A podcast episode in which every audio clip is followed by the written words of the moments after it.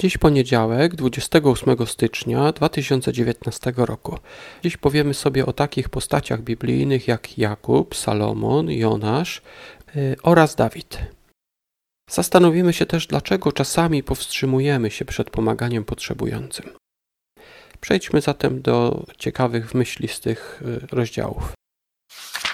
Księga Rodzaju, rozdział 28. Jakub idzie po żonę. W Betel, po drodze, obiecuje oddawać dziesiąt... W Betel obiecuje oddawać dziesięcinę, gdyby Bóg mu błogosławił. W wersecie 12 czytamy We śnie ujrzał drabinę opartą na ziemi, sięgającą swym wierzchołkiem nieba oraz aniołów bożych, którzy wchodzili w górę i schodzili w dół. W wielu Bibliach ten fragment jest oddany, że to była drabina. Nawet niektórzy się śmieją, że w średniowieczu y, sprzedawano na odpustach, sprzedawano szczeble z drabiny, która się śniła Jakubowi. Jednak równe, równie dobre tłumaczenie, y, zamiast drabiny, można tutaj to oddać jako schody. To samo słowo, y, które w tamtym czasie było, Jedno słowo oznaczało właśnie te dwie rzeczy. Oznaczało zarówno drabinę, jak i schody. Tak więc ten werset można by przetłumaczyć, że Jakub zobaczył schody schodzące z nieba i aniołów, którzy chodzili po tych schodach. Y, werset 22.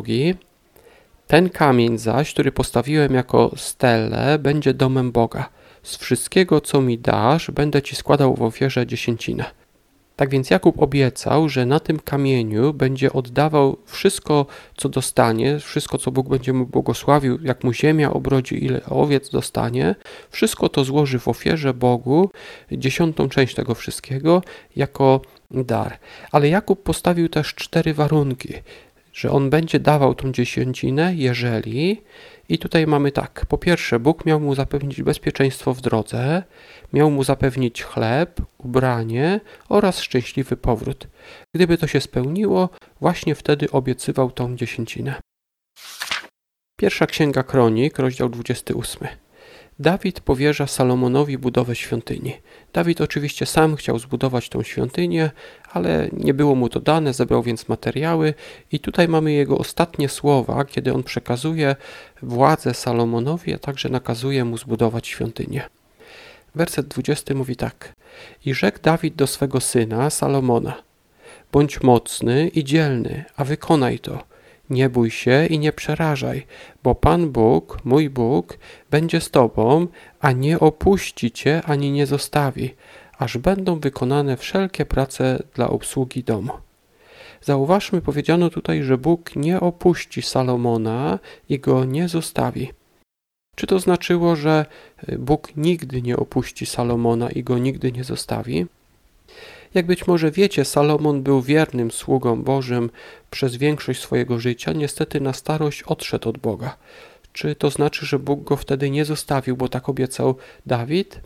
Zobaczmy, co o tym mówi werset dziewiąty. Dawid mówi tak. A ty, synu mój, Salomonie, znaj Boga twego ojca i służ mu sercem doskonałym i duszą ochotną, bo Pan przenika wszelkie serca i zgłębia wszystkie tajniki myśli. Jeśli będziesz go szukał, on pozwoli ci się znaleźć, ale jeśli go opuścisz, odrzuci cię na zawsze. Tak więc Bóg nie opuści ani nie zostawi Salomona pod warunkiem, że Salomon go nie opuści, bo wtedy Bóg odrzuci Salomona.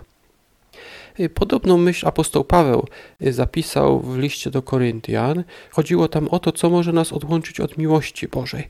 W zasadzie nic nie może nas odłączyć od miłości Bożej. Jest ona tak wielka, że nikt nie ma takiej siły. Jedyną osobą, która może to zrobić, jesteśmy my sami. My sami możemy odłączyć się od Boga. Nikt inny nie może tego zrobić. Jonasza, pierwszy rozdział. Jonasz był prorokiem w czasach króla Jeroboama II. W drugiej księdze królów, w 14 rozdziale, wersecie 25, czytamy o tym, że jego słowo się spełniło właśnie w tamtych czasach. Jednak teraz dostał zupełnie inne zadanie i to zadanie mu się bardzo nie podobało. Werset trzeci mówi tak. A Jonasz wstał, aby uciec do Tarsisz przed Panem – Zszedł do Jafy, znalazł okręt płynący do Tarsisz, uiścił należną opłatę i wsiadł na niego, aby udać się nim do Tarsisz, daleko od Pana. Jonasz jako prorok przez całe życie w zasadzie e, przekazywał te słowo prorocze Izraelitom właśnie w czasach króla Jeroboama. Jeroboam i ludzie, którzy wtedy żyli w tym miejscu, nie służyli Bogu. Mimo wszystko y, chyba Jonaszowi ta służba nie przeszkadzała, było mu dobrze. Jednak teraz dostał zadanie, aby udać się do Asyrii, czyli miasta, które było znane z okrucieństwa, z podboju innych ziem i tam właśnie miał przekazać y, słowo Boga. Co on zrobił? Postanowił zamiast tego udać się do Tarszisz, Tarszisz to prawdopodobnie najdalsza kolonia Fenicjan, czyli Kadyks. E, po hiszpańsku to słowo brzmi Cadiz. Jest to takie miasto na, na południowym zachodzie e, Półwyspu Iberyjskiego. Jest to najstarsze, chyba zamieszkane bez przerwy miasto w Europie. Niestety ten rozdział przez wieki miał e, wpływ na postępowanie wielu żeglarzy i to taki zły wpływ. Wielokrotnie w przeszłości przesądni żeglarze uważali, że jak na przykład nie było wiatru, czy coś złego się stało, to było z powodu jakiegoś Jonasza, którego mieli na statku. I niestety po przeczytaniu tego rozdziału Biblii przez wieki wiele osób wyrzucano czy zostawiano na bezludnych wyspach, jako, bo uważano je za pechowe. Psalm 28. Wiele psalmów Dawida to taka prośba o wybawienie, Przypomina nam to, jak wiele wycierpiał Dawid, zanim on został królem, a potem jeszcze musiał uciekać podczas buntu swojego syna Absaloma. E, kiedy został napisany ten psalm, tego oczywiście nie wiemy, to nie jest pewne, ale Dawid mówi tutaj o hipokrytach udających przyjaciół. Werset trzeci mówi tak: Nie gub mnie z występnymi, z tymi, co czynią nieprawość, co rozmawiają przyjaźnie z bliźnimi, a w duszy żywią zły zamiar. Być może miał na myśli Achitofela, który był doradcą Dawida, ale w buncie Absaloma stanął po stronie właśnie tego zbuntowanego syna Absaloma. Mówiliśmy o tym chociażby wczoraj przy okazji omawiania pierwszej księgi Kronik 27 rozdziału.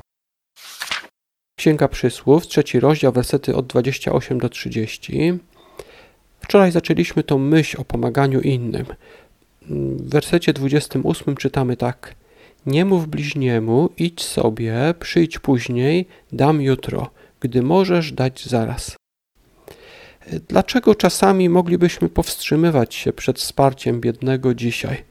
Być może uważamy, że y, być może szkoda nam jest rzeczy materialnych, na przykład mamy coś, co, z czego sami chcielibyśmy skorzystać, na przykład pieniądze, które jakiś biedny by potrzebował, ale my moglibyśmy wydać je na coś dobrego. To może być jeden powód, czyli krótko mówiąc, to mogłaby być chciwość, że nie chcielibyśmy pomóc komuś, ale może być też inny.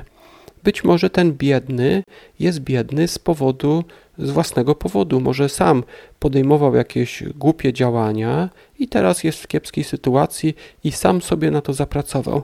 To także mogłoby nas powstrzymać przed y, wsparciem tego biednego. Zauważmy jednak, że w tym wersecie nic nie powiedziano o powodach, dlaczego ten ktoś jest biedny. Jest to po prostu bliźni i my powinniśmy dać mu coś zaraz, a nie mówić mu, żeby przyszedł jutro. Czyli nie odkładać tej decyzji na jutro, bo ta osoba jest w tej chwili jest potrzebująca. Zauważmy też, że nie podano tutaj ilości, ile mamy dać takiej osobie. E, to jest oczywiście nasza własna decyzja. My sami decydujemy, e, co i ile i w jakiej ilości dać komuś. Dziękuję Wam za wysłuchanie. Ja niedługo udaję się do Kadyksu, e, będę tam na wakacjach, ale mam nadzieję, że moja podróż będzie szczęśliwsza niż ta Jonasza, który nie dopłynął tam do tego Kadyksu, do Kadyks. Dziękuję Wam jeszcze raz za wysłuchanie. Zapraszam do jutrzejszego podcastu, a więc y, do usłyszenia.